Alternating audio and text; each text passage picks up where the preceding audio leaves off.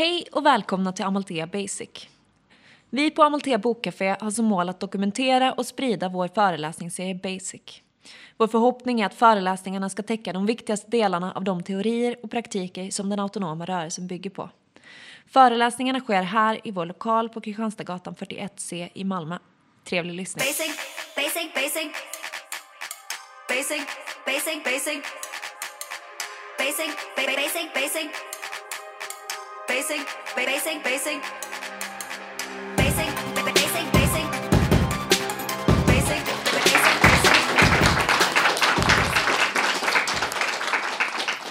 Ja, tack. Ehm,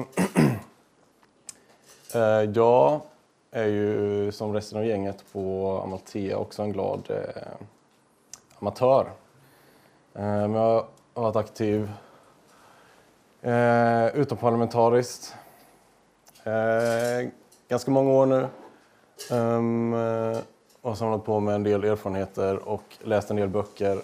Och jag förutom det också aktiv i AFA Malmö. Um, varför jag kände att det här är mitt ämne att snacka om. Uh, nu har jag en slide, eller en eh, PowerPoint-presentation som innehåller rekordmånga slides för mig personligen. Så att det kommer väl bli ett jävligt hetsigt föredrag för att hinna, ge, hinna med allting. Ehm, eh, jag tänkte fokusera på italienska och tyska fascismer ehm, och egentligen mest på europeiska former av fascism. Eh, så jag tänker inte prata om exempelvis eh, IS eller andra liknande islamistiska fascistiska rörelser eller för den delen typ indiska fascismer. Och jag har utgått ifrån marxistisk kritik och en del idéhistoriska ansatser. Um, Just um, det här med att förstå fascism och definiera fascism eh, är, väldigt, är väldigt komplicerat. Så jag, eh, jag försöker undvika att göra att eh, ha en väl, alltför precis ansats till, att, eh, till hur man klassificerar olika politiska strömningar som fascistiska. Um, och det, är liksom, det har flera olika anledningar. Vilket beror mycket på hur eh, fascistiska rörelser eh, ser ut och beter sig. Um, och jag själv kommer prata om fascism ur flera olika dimensioner um, som leder till min slutsats om fascism. Liksom. Och då har vi dels det politiska innehållet som jag kommer att eh, gå igenom. Eh, och det är liksom eh, de idéer och den världsbild och de visioner som, eh, som fascister arbetar för eh, på olika sätt. Eh, Det handlar också om eh, lite olika idéer och det kommer jag också beröra. Ehm, sen har vi också den form och funktion eh, som innehållet eh, passas in i. Och det är liksom själva rörelsen. Um, Och eh, just rörelsens utformning är en sån sak som är väldigt viktig. Det är liksom, eh, handlar om de strukturer och de beteenden och organisationer som finns inom rörelsen. Ehm, ja, jag kommer beröra allt det mer i detalj under föreläsningens gång. Um, så jag har också en väldigt bred uh, fascismtolkning som uh, vissa kanske kan tycka är lite slarvig. Jag kommer klumpa ihop eh, italiensk fascism med tysk nazism ganska mycket. Eh, men jag kommer försöka att hålla isär dem begreppsmässigt så att man kan hänga med eh, med vad jag snackar om. Ehm, men jag menar att man kan se både fascism och nazism då som reaktionära massrörelser. Och det här kommer jag också komma in på senare. Jag menar att det är ibland smidigare att tala om fascismer snarare än, eh, än fascismen. eh, För att fascism är ett eh, ganska slitet ord som eh, som sagt folk använder lite hipp som happ, som de vill. Ehm, ja, jag inkluderar eh, därför också nazismen då i fascismbegreppet. Ja, det är ju det är som sagt svårt att hitta exakta definitioner. Um, och jag eh, är inte egentligen ett fan av eh, uh, dylika punktlistor så som den jag har ställt upp här. Jag har bara valt några av de, uh, eh, några av de nyckelord som jag tycker beskriver rörelsen uh, bäst. Det är ju då nationalism, diktatur, paramilitarism, korporativism och eh, också i många fall rasism. Då. Ehm, jag kommer gå in på mer vad det här är. Säkert korporat korporativismen kommer jag utveckla lite mer senare. Ehm, för det är ett ganska särskilt drag inom ehm, vissa fascistiska rörelser. lägger väldigt stort eh, fokus på det. Men fascism är också nästan alltid en reaktion på andra företeelser. Så det kan ju vara li minst lika informativt att eh, prata om vad fascismen är emot. Ehm, eh, eftersom det också är svårt att förstå ibland vad fascister vill upp, uppnå ifall man liksom bara studerar deras rörelser och organisationer. Så fascismen som antirörelse kan man säga är antisocialistisk, antikommunistisk, antifeministisk eh, och homofob. Eh, homofob i ganska bred mening och antimodernistisk, brukar man säga. Och just det sistnämnda men antimodernismen är en sån sak som avslöjar en av de motsägelser som eh, är inneboende i fascismen.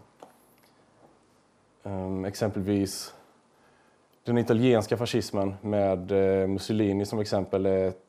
De eh, var både antimodernister men också romantiker av eh, modernistiska företeelser. Alltså de, eh, de kritiserade både modernismen i, eh, modernismens idéer. Ehm, eh, man brukar säga att eh, fascismen är antiliberal i den, eh, i den innebörden. Att man är emot ett framåtskridande. Men samtidigt så är man romantiker av teknologi, har en en särskild framtidsanda och romantiserar maskinmakt. Liksom. Och en annan motsägelse är den som bilden ger ett exempel på. Ehm, ja, bilden föreställer då några nazistiska aktivister i Lund som håller en banderoll som det står “Krossa kapitalismen” på.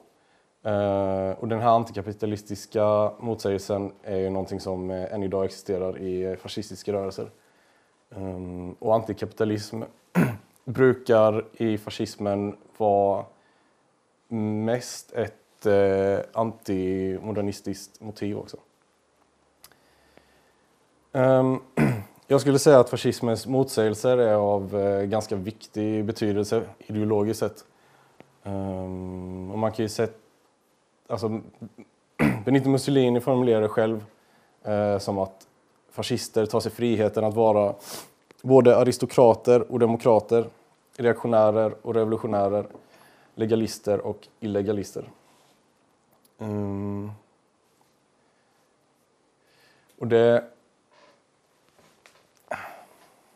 Vad han egentligen var ute efter här var att beskriva någon sorts eh, pragmatism. Um, för att vi känner kanske fascismen som en, eh, en reaktionär, eh, bakåtsträvande och reformfientlig rörelse. Och det är så den har gjort sig känd liksom, i sina praktiker och de ståndpunkter som har gått till historien. Men ideologin är inte bara, inte bara konservativ eh, och högerinriktad. Eh, även om eh, de flesta av idéerna som de praktiserar Eh, hämtade från eh, den europeiska konservatismen. Man strävar också efter ehm, man strävar liksom bortom det här bevarandet av den rådande ordningen som konservatismen huvudsakligen syftar med, sysslar med.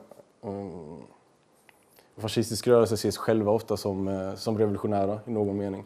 Inte på samma sätt som vi i vänstern skulle kalla oss själva för revolutionära kanske. Men eh, man har eh, omdanande syften. Um, och vill ofta... Man, bruk, man brukar tala om eh, att eh, fascister har antidemokratiska syften och då egentligen det man åsyftar är någon sorts eh, strävan efter maktövertagande för att förändra samhället i sin egen riktning. Mm. Mm. Och bakgrunderna till de här motsägelserna går att finna hos, eh, hos Mussolini och hans, hans italienska fascistiska rörelse. De grundades eh, ur en, eh, en blandning av rörelser egentligen och hade en, en väldigt pragmatisk eh, prägel.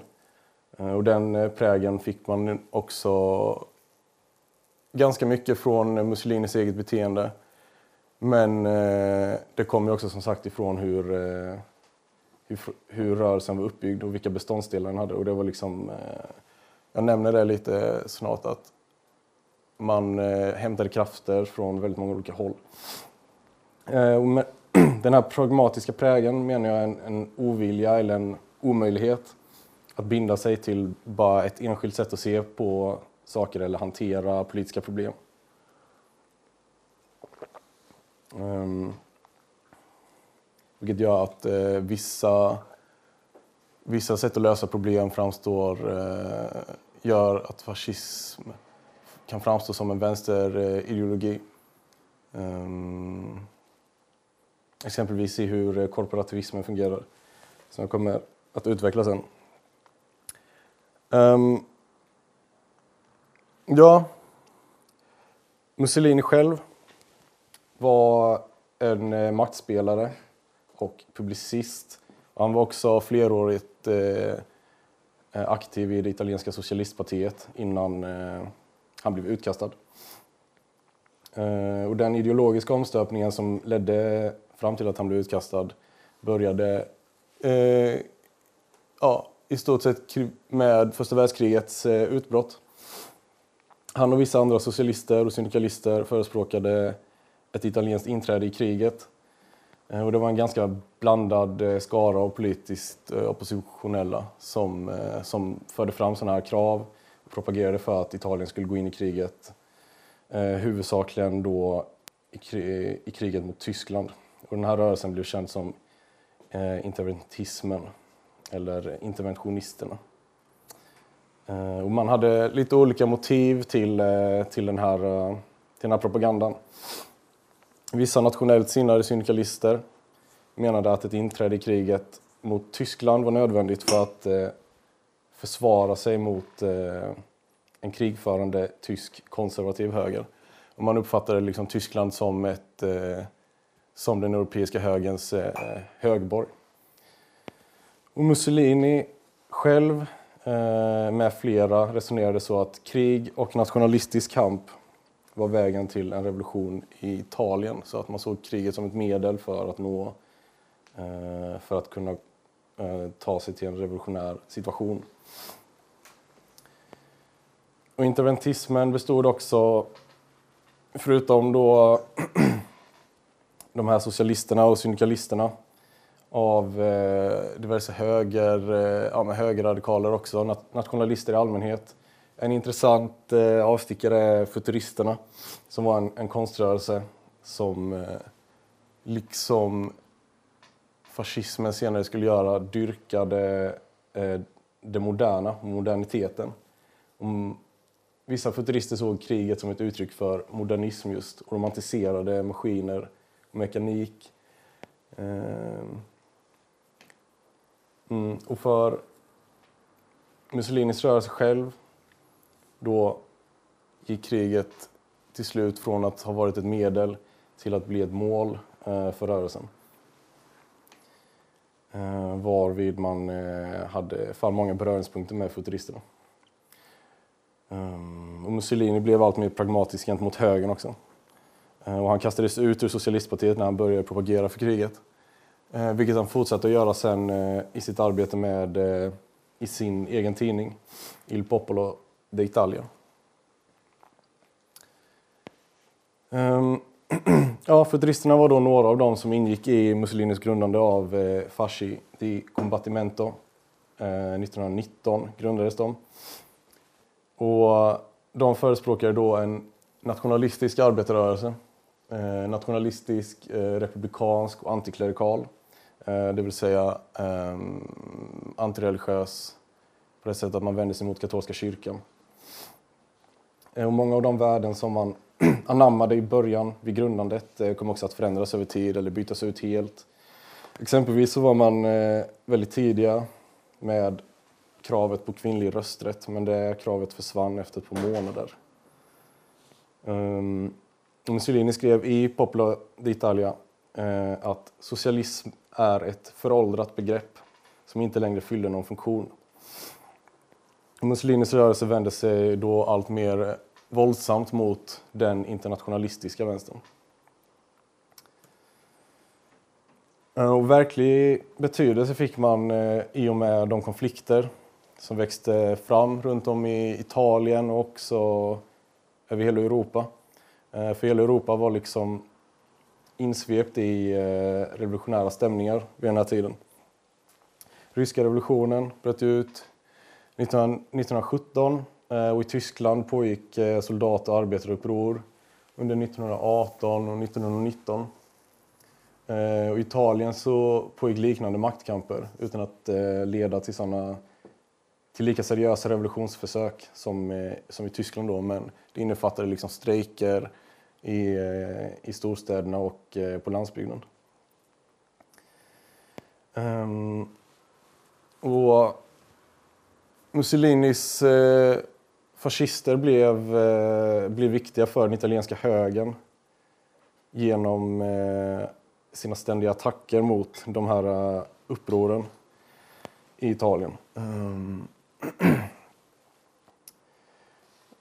det är det här, den här perioden var också den våldsammaste eh, perioden strax efter, eh, ja, efter första världskriget fram till, till maktövertagandet 1922. Så den, nu var den fascistiska terrorn som starkast eh, och den hade, liksom, den hade en paramilitär prägel. Vilket innebär att man eh, organiserade sig i eh, beväpnade miliser i stort sett. Och det våldet som man utövade riktades huvudsakligen mot, eh, mot socialister eh, och kommunister och eh, mot de uppror som blossade upp på landsbygden. Och bland annat så attackerade några fascister en av de tidningar som Mussolini hade arbetat på under sin tid som socialist. Um, Mussolinis Fasci eh, sökte legitimitet som en veteransammanslutning. Liksom många andra miliser som uppstod i Italien och i Tyskland efter kriget. Och de här eh, sammanslutningarna bestod av eh, krigsveteraner som blev som en bas för nationalistiskt försvar av staten ehm, efter kriget. Eh, och då, det rörde sig ofta om veteraner som av olika anledningar var besvikna eh, på utgången av kriget. Ehm, I Tyskland fanns så kallade Freikorps som var ja, paramilitära frikårer.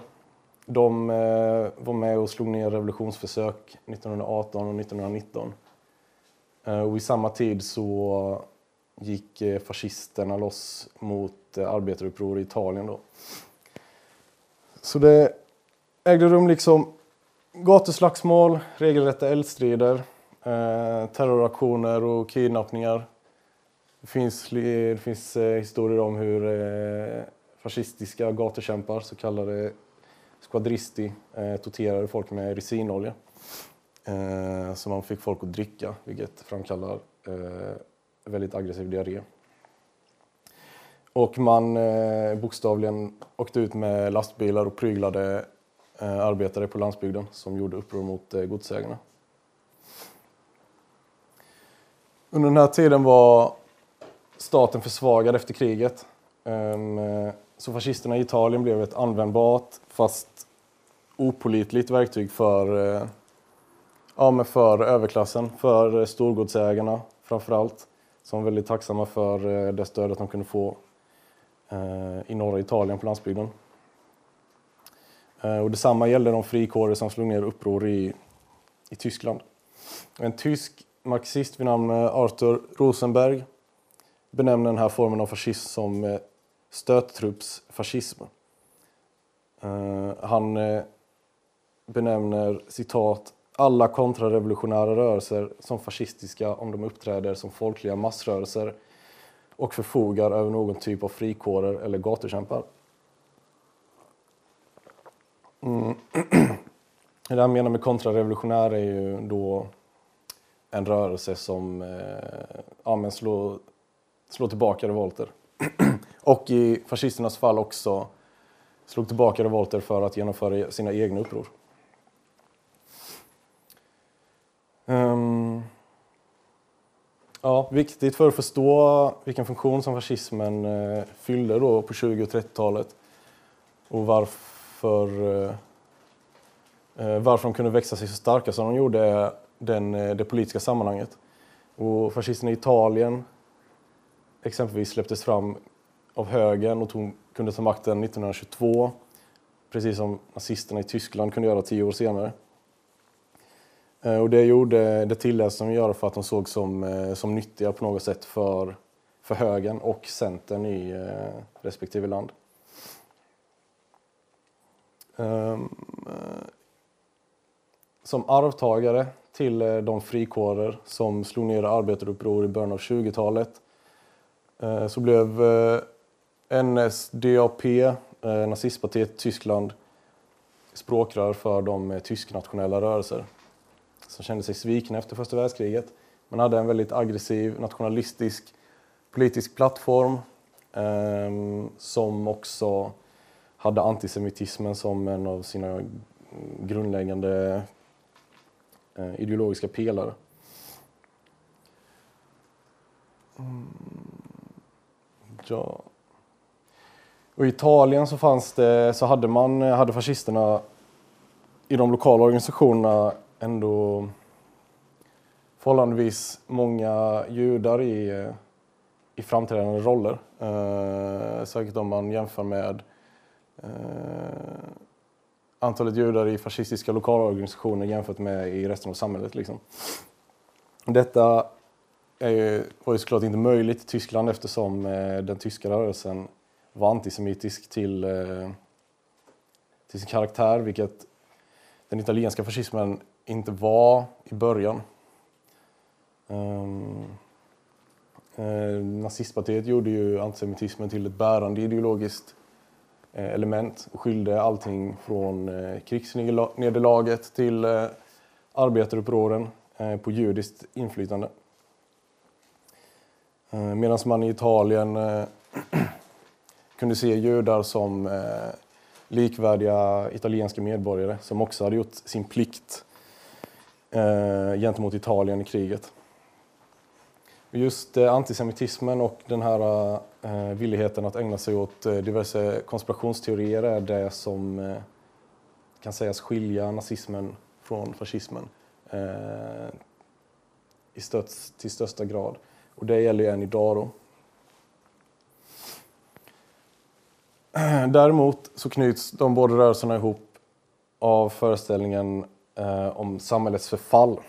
Ehm, man har då en gemensam syn på den egna rörelsens roll för att förhindra förfallet och återuppbygga nationen eh, ur ruinerna.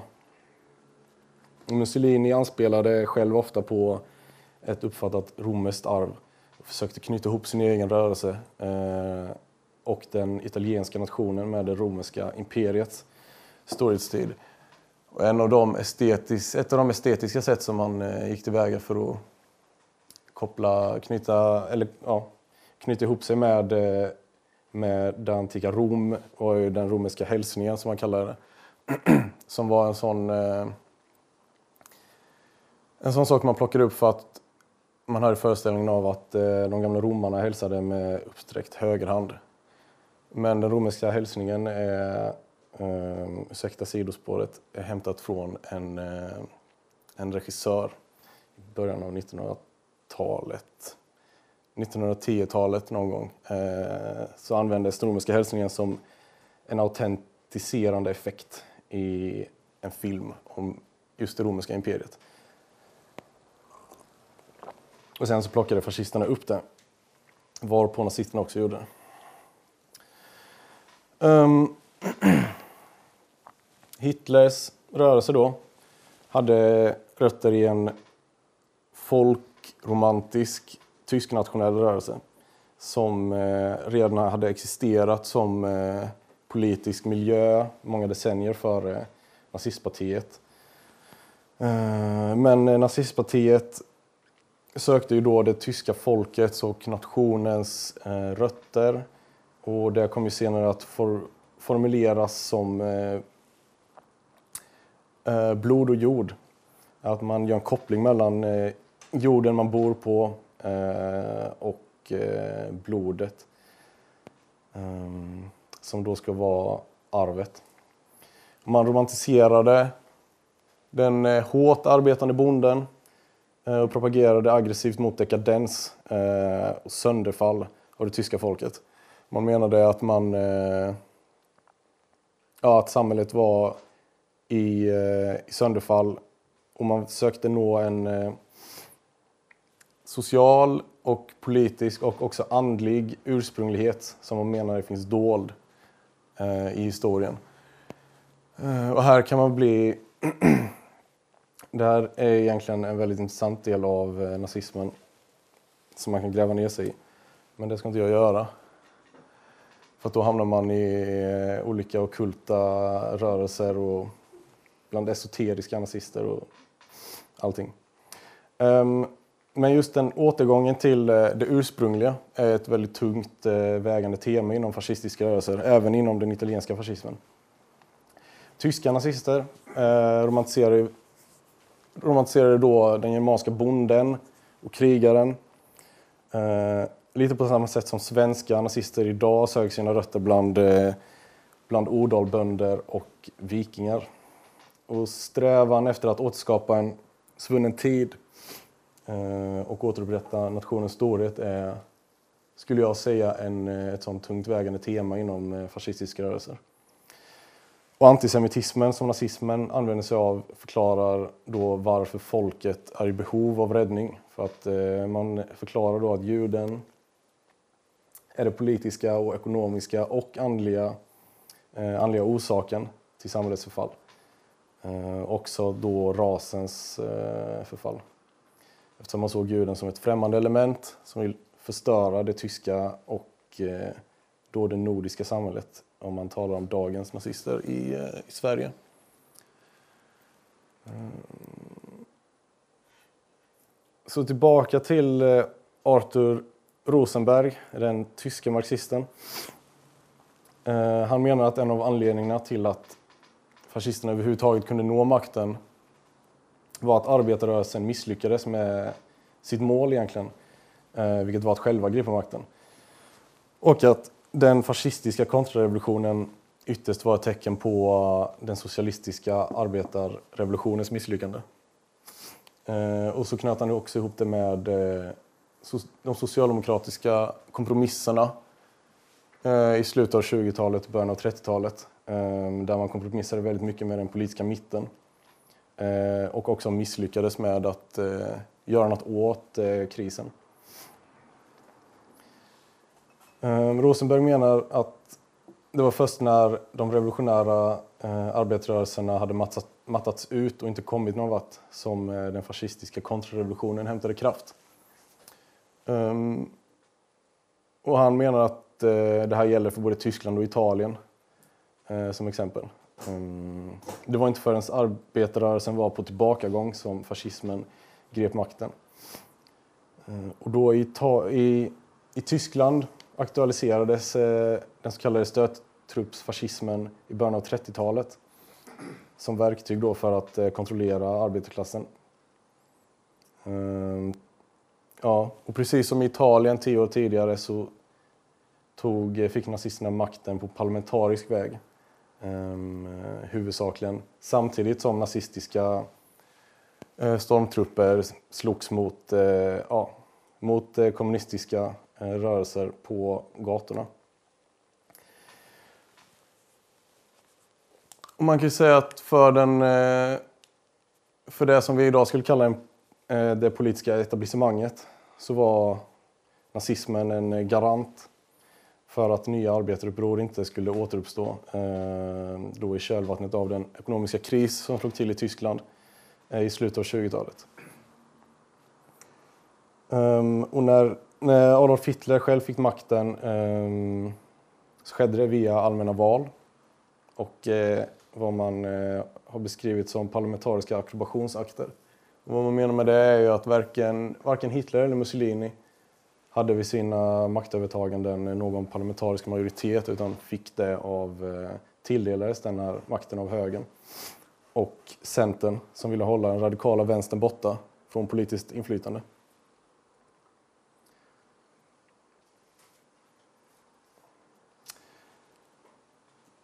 Mm, nu hoppar jag över hela andra världskriget, för att det tror jag att folk har hört om. Um. Ja, fascismen som rörelse uppstod ju efter, eh, efter första världskriget, som jag var inne på. Ehm, och det finns även innan första världskriget eh, historiska föregångare som kan vara intressanta. Eh, både vad gäller rörelse och idétraditioner. Och den exkluderande formen av nationalism exempelvis går att finna egentligen många decennier bakåt i tiden. Och också den, den sortens veteranorganiserande frikårsverksamhet som fascisterna sysslade med.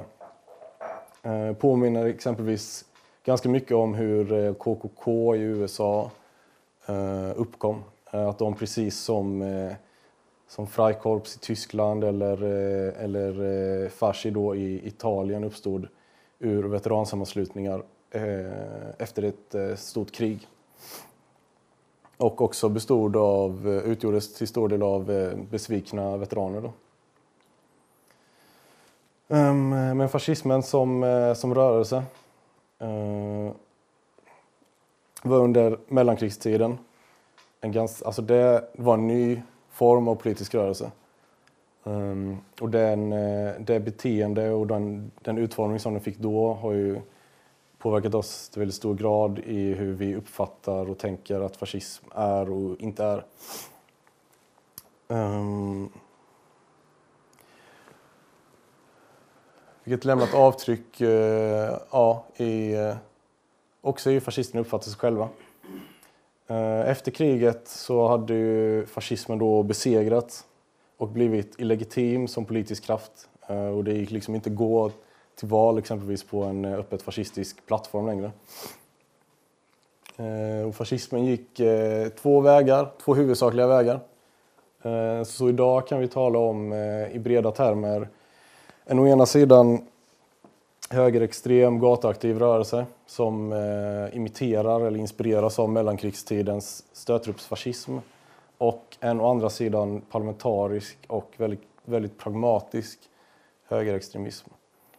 Ehm, och de här eh, parlamentariska rörelserna är ofta svåra att kategorisera som fascistiska även om de, som vi kommer se, har eh, tydliga kopplingar till fascistiska och nazistiska rörelser. Så efter andra världskriget eh, kan man säga att fascister med självaktning gjorde som herren på bilden här, Per Engdahl, som var en av grundarna av den så kallade Malmörörelsen. Eh, och den Malmörörelsen hämtar ju då sitt namn från ett möte som hölls 1951 här i stan på initiativ av, eh, av Engdahl själv. Och var ett internationellt samarbete och försök att bygga en internationell organisation samt modell för eh, hur efterkrigstida fascism skulle kunna se ut. Så spillrorna efter den fascistiska Eh, och nazistiska rörelsen i Europa samlades i Malmö för att utarbeta en ny form eh, för fascismen. Det man bland annat eh, kom fram till var att man då behövde tona ner antisemitismen ganska mycket för att förintelsen hade blivit ja, en rätt stor grej. Ehm, och helt plötsligt var ju inte antisemitism rumsrent längre. Och Engdahl är intressant för att han, eh, precis som en viss Ingvar Kamprad som eh, dog nyligen och också var hans personliga vän, betonade korporativismen i sina idéer. Och korporativism är ganska kort eh, sammanfattat en idé om att samhället är, eh, ja, men är en kropp, därav eh, namnet korp, korpo. Och eh, i fascistiska sammanhang är det ett, eh, ett sätt att tvinga politiska och ekonomiska aktörer till att samarbeta under statlig kontroll. Så att i Italien exempelvis så fanns det samarbetsorgan som fackliga representanter och eh, arbetsköparorganisationer skulle eh, vara del av tillsammans med eh, statliga representanter. Då. Vilket skedde genom, eh, genom tvång från staten också, givetvis. Mm. Engdahl ville i alla fall sätta fokus på nationalismen. Och han skrev i slutet av 70-talet en kritik av fascismen där han menade att man behövde tona ner rasbegreppet och istället sätta fokus på invandringen som politisk fråga.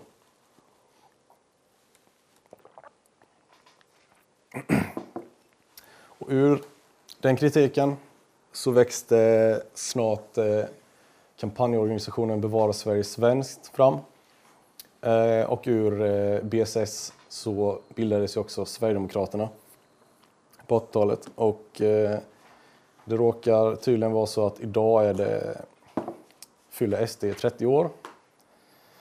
Blev vi uppmärksammade om.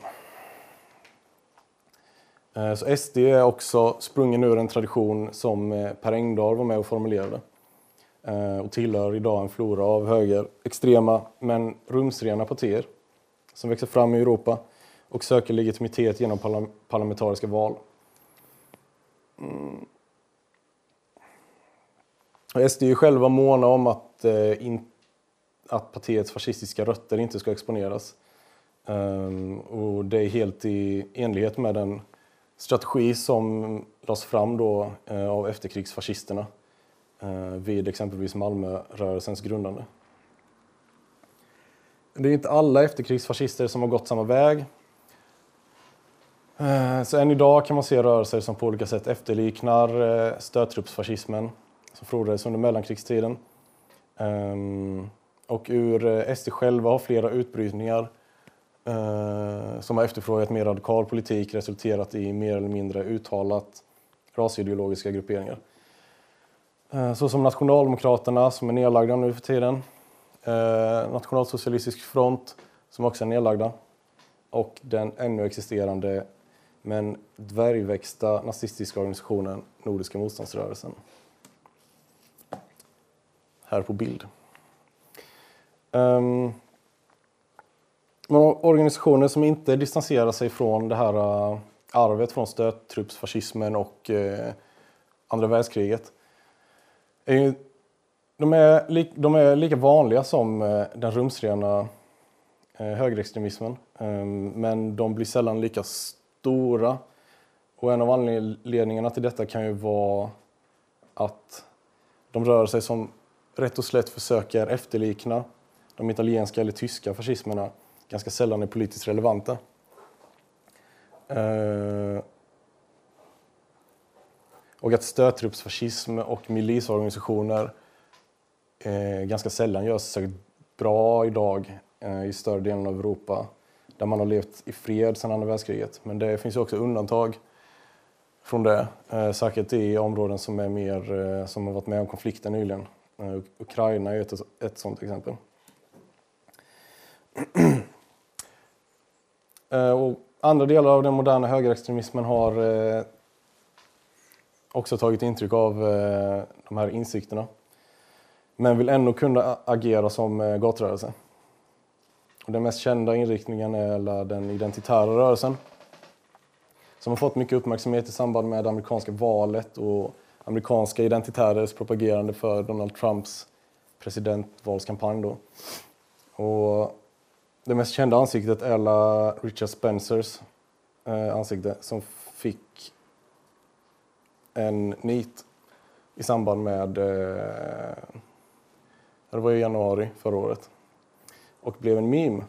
Han är då talesperson för en av, eh, eller en del då av den amerikanska identitära rörelsens eh, avstickare, mediaprojekt.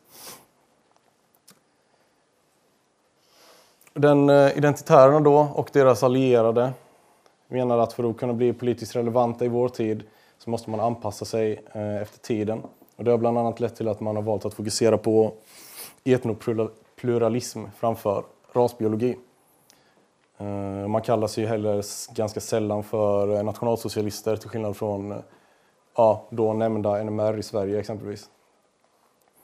Och etnopluralismen är i stort sett en form av rasism klädd i positivt laddade ord såsom eh, varje folks rätt till suveränitet, mångfald genom separation och särart. Ehm, man har eh, lånat väldigt mycket begrepp från eh, vänster, vänsterhåll också. Särskilt det här med varje folks rätt till suveränitet är någonting man försöker väva in i, i sin egen rörelse och synen på vit nationalism, som man kallar det. Man försöker också, precis som tidigare fascismen, knyta ihop sig då med, eh, med det antika Europa och mm, ha en föreställningsvärld där man är arvtagare till eh, diverse marmorstatyer.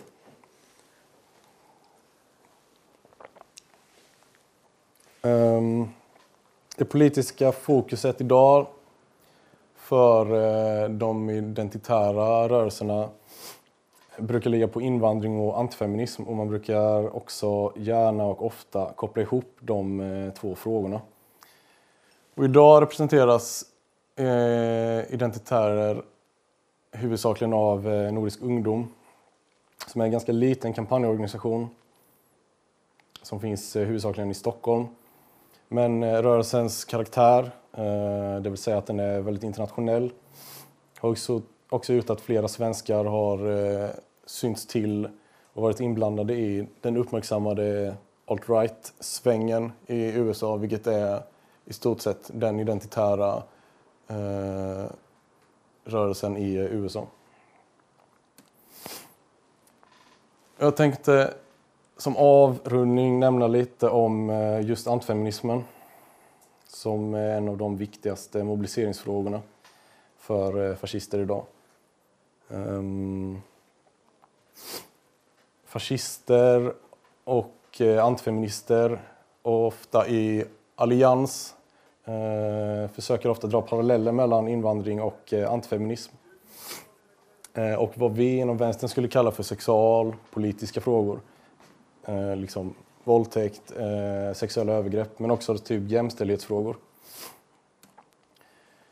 Eh, så fascister är idag fortfarande väldigt pragmatiska och pragmatiska nog för att både förkasta det senaste halvseklets utveckling inom sexualpolitiska frågor eh, och feministiska frågor. Ehm, och eh, anklaga feminister för att vara extremister. Samtidigt som man vill anklaga invandrare för att förstöra den europeiska jämställdheten som ju är ett resultat av eh, feministiska rörelser. Eh, och man eh, skyller, beskyller då invandrare för att förtrycka och ja, våldta i första hand vita europeiska kvinnor. Um,